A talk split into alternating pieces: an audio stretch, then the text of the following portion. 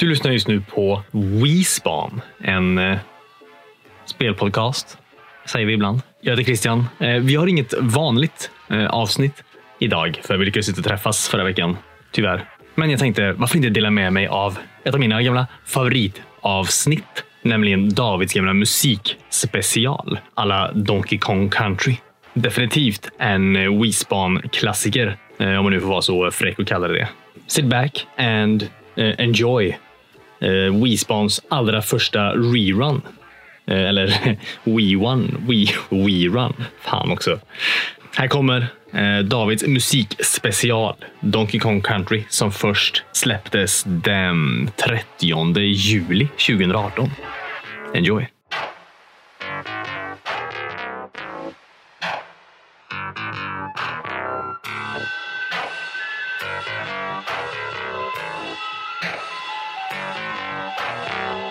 Hej! Oj. Um, Hej.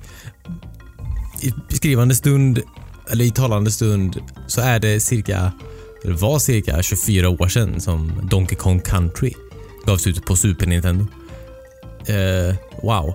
Det är nästan 25 år. Egentligen hade ju en ny konsolgeneration börjat precis med Sega Saturn eh, bara några dagar tidigare. Och Sonys Playstation var bara någon månad bort. Men ändå blev Donkey Kong Country den, det här grafiska underverket som alla pratar om under de kommande månaderna. Det beror säkert på att polygoner, po, alltså polygoner 1994 var fortfarande så här lådor i olika färger som var staplade på varandra. Och så fick man använda fantasin. Men huruvida Donkey Kong Country är ett lika bra som det är ett vackert spel, det kan ju diskutera sinsemellan er själva antar jag. Jag spelade igenom det ganska nyligen och jag gillar det fortfarande väldigt mycket.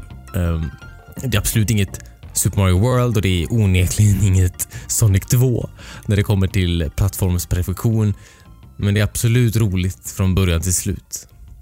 Förutom alla banor när man åker gruvvagn. De är inte, de är inte alls kul.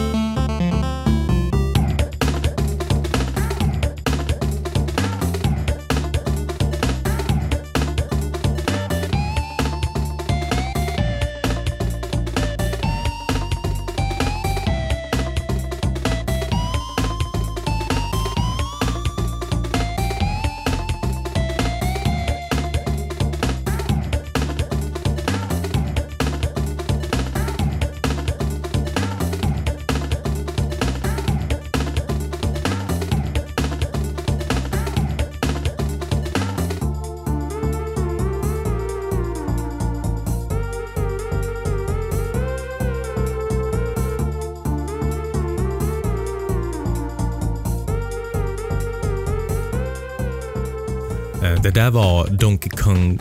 Kong? Nej. Det där var Donkey Kong Country Theme. Som du hör i introt. Där Cranky Kong står på en röd balk. Lik det som Mario klättrar upp för. För att rädda Pauline i eh, Donkey Kong. Alltså arkadspelet. Och det är ju Cranky Kong som är med i arkadspelet och eh, det är ju Donkey Kong som du spelar i Donkey Kong Country. Alltså det är hans barnbarn då. Um, och jag vet inte riktigt om den här eh, bryggningen av de olika spelen är jätteviktig. Eh, dessutom har Cranky Kong gjort sig skyldig till otaliga brott mot Pauline då. Vilket jag aldrig tar upp eller, eller reder ut. Alltså det borde ju onekligen komma upp i konversationer när alla åker go-kart tillsammans. Det här har alltså varit humorinslaget i den här podden. Tack.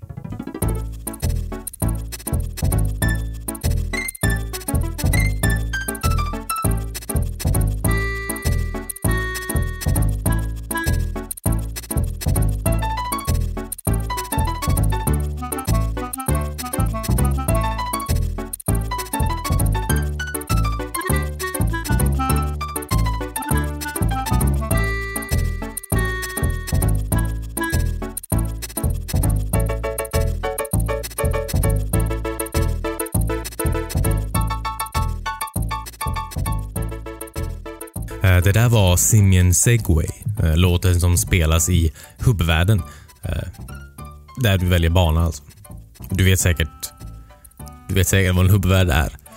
Den är i alla fall komponerad av Evelyn Fisher, en av de tre producenterna av musiken till Donkey Kong Country. Hon är, hon är helt fantastisk. Hon är jätteduktig. Men det är inte hon vi ska prata om nu. Vi ska prata om en annan kompositör. David Wise heter han. I mitten av 80-talet eh, sålde han keyboards i en liten musikaffär i staden Leicester i mitten av England. På fritiden skrev han och eh, spelade egen musik tills en dag då två män klev in i butiken och frågade killen som stod och demonstrerade keyboards om han hette David Wise. Och det gjorde han. Eh, för det var han. Det var, det var David Wise. De två männen som gillade hans musik visade sig vara Tim och Chris Stamper, Eh, grundarna av Rare. Sen dess var Wise ensam kompositör på Rare mellan 1985 och 1994. När den brittiska spelstudion fick chansen att utveckla ett helt nytt Donkey Kong för Super Nintendo så antog Wise att all musik skulle komponeras av någon i Japan. Men de tre styckena han komponerade till spelet, som han trodde skulle vara högst temporära, gillades så pass mycket av Nintendo att Rare fick göra all musik själva. Eh, de tre styckena slog senare ihop till en och samma låt som skulle få heta Island Swing.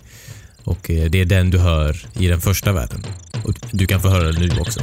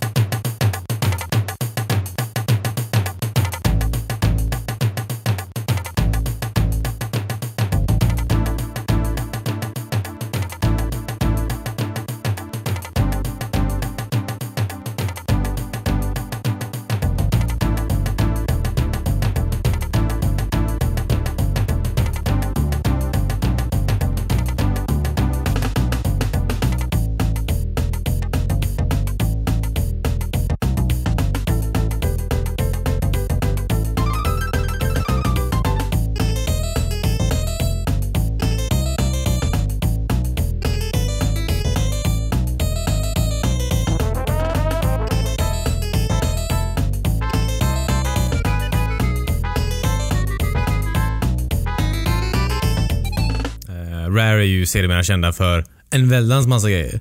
Eh, Goldeneye, Banjo Kazooie, Perfect Dark, Jet Force Gemini och det vi minns kanske allra bäst, eh, Kinect Sports.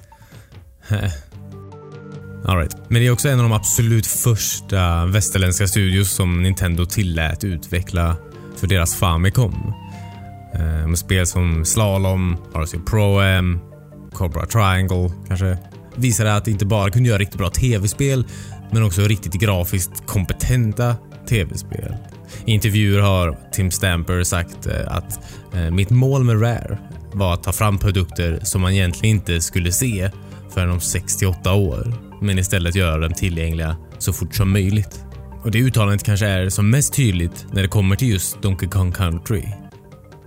Ett imponerande grafiskt mästerverk där människors kreativitet och ren datorkraft kanske möttes lite på mitten och, och sa hej till varandra då.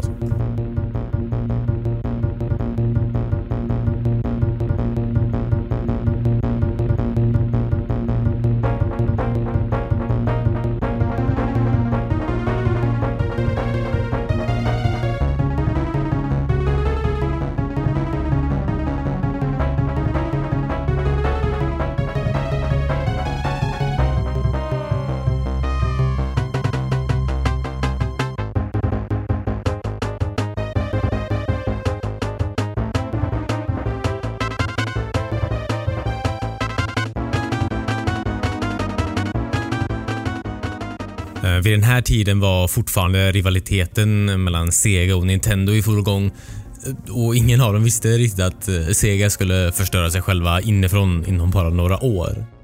Så när plattformsspelet Aladdin dök upp på Mega Drive där all animation var handritad av Disney själva, det som faktiskt animerat filmen med samma namn, så var Nintendo lite ivriga att överträffa Sega med något ännu mer grafiskt imponerande. Varför Nintendo såg potentialen hos Rare att kunna göra det eh, hade kanske någonting med deras nyinköpta Silicon Graphics-maskiner att göra. Runt 1993 kostade det ungefär 80 000 pund per maskin. Jag kan inte riktigt räkna på inflation här, men tänk att en dator vars enda syfte är att hantera 3D-modeller kostar runt en miljon kronor. Alltså mitt PSP från 2004 har Windows 95 installerat på den. Jag vet inte om det är imponerande, men jag vill bara säga det. Mjukvaran som de flesta använde för 3D-modellering på den här tiden var Power Animator. En mjukvara som ett år efter Donkey Kong Countrys release också Pixar hade använt för att animera hela Toy Story. Och som Industrial Light and Magic hade använt några år tidigare för att göra den smältande metallen i Terminator 2. Power Animator skulle ju senare byta namn och nu för tiden heter det ju Autodesk Maya. Kanske man känner igen om man tycker sånt är intressant. Men nu skulle den användas till att rita primater och reptiler för en spelkonsol som absolut inte var byggd för att visa denna nivå av grafik.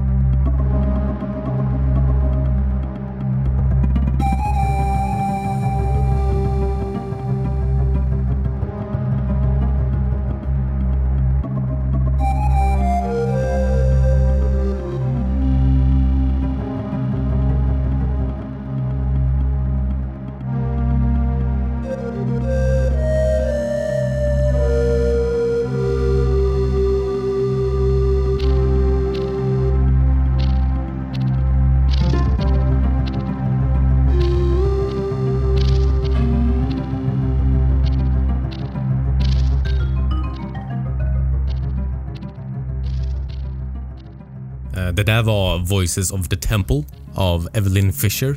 Oj, vilken bra låt. Oj, oj. Hur som helst, Super Nintendo var inte en maskin som var gjord för att rendera, så att säga, äkta 3D. SNESen kunde absolut, så att säga, ligga pixlar i olika axlar i och med Mode 7-tekniken, som ni säkert har sett. Men rendera polygoner i realtid var någonting den hade problem med. Bra exempel på det är Nintendos egna försök med Star Fox som rullar in i typ fem bildrutor per sekund. Och om ni har spelat i outgivna ja, fram till SNES Classic kom Star Fox 2 så förstår ni kanske varför det spelet aldrig fick en riktig release på Super Nintendo. Vad Rare istället gjorde var att rita upp alla karaktärer i 3D i Power Animator och sen rendera ut en separat stillbild för varje pose. Ta bort en jäkla massa färginformation och sedan pussla ihop alla stillbilder till relativt mjuka animationer. Det gäller även för träd, berg, tunnor, gruvvagnar, rep och stenar. Allt var i 3D från början. Stenar behöver ju inte animeras så värst mycket. är Det halva jobbet. Har ju typ gjort. Teamet jobbade fram till 11 på kvällen de flesta dagarna och startade renderingsprocessen innan de gick hem. Lagom till att de kom till jobbet morgonen därpå så hade datorn precis orkat rendera klart en stillbild. Alltså en, en bild. Typ, typ så här. Hej, hej hur går det nu efter typ sju dagar? Ja, det går svinbra. Jag har typ en stillbild här av Donkey Kong från typ höger synvinkel. Det är 100 timmar well spent tycker jag.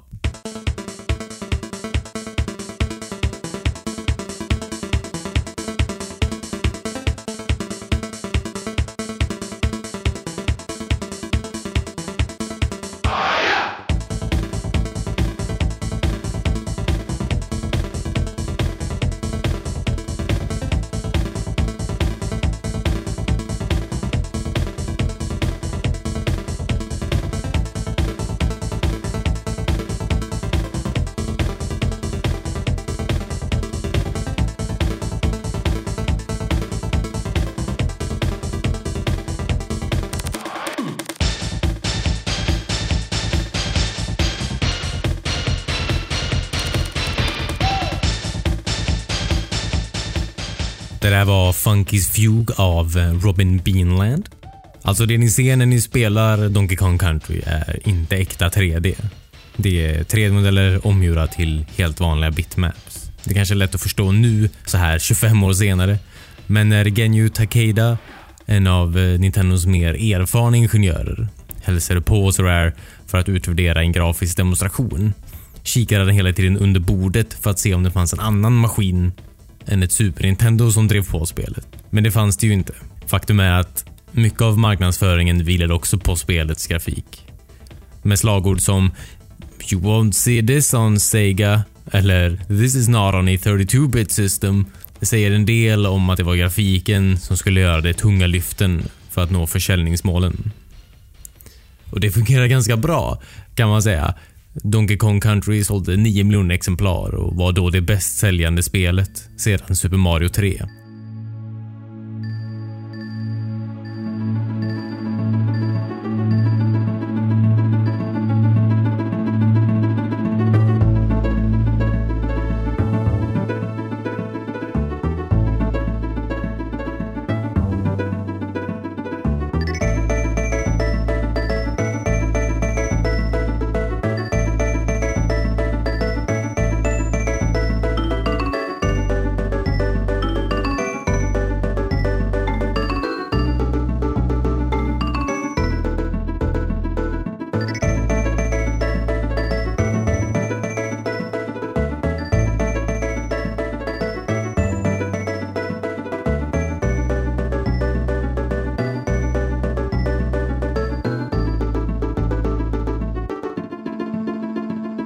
Ice Cave Chant av Evelyn Fisher.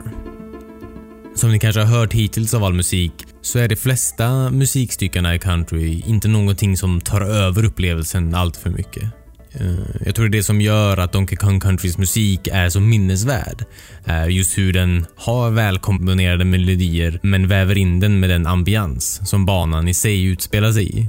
Det bästa exemplet på det tycker jag är David Wise eh, Cave Dweller Concert. Jätte, jättefint.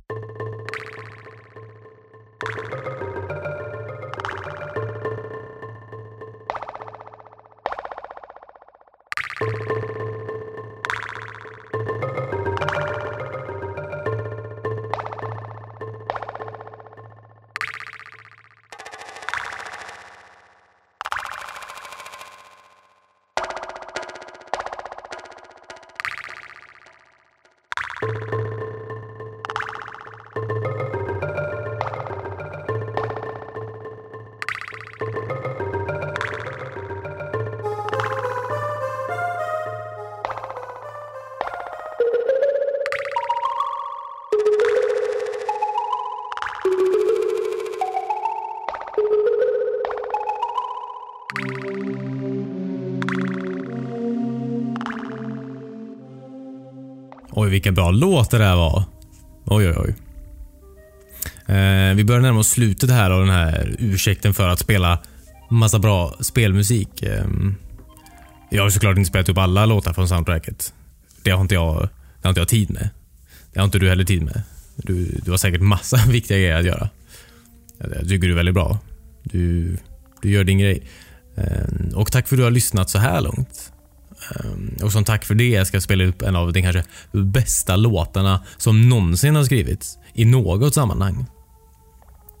Vattenbanor har alltid den bästa musiken, trots att det alltid är de sämsta banorna. Här är Aquatic Ambiance av David Wise. Eller Aquatic Ambience. Det, det får du bestämma.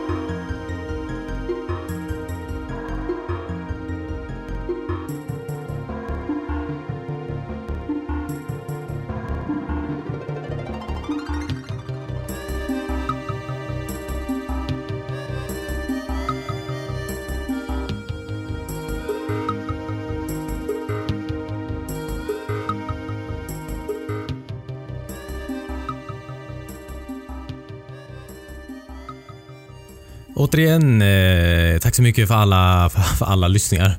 Tack så mycket för att ni har lyssnat ska jag säga. Jättekonstigt sagt.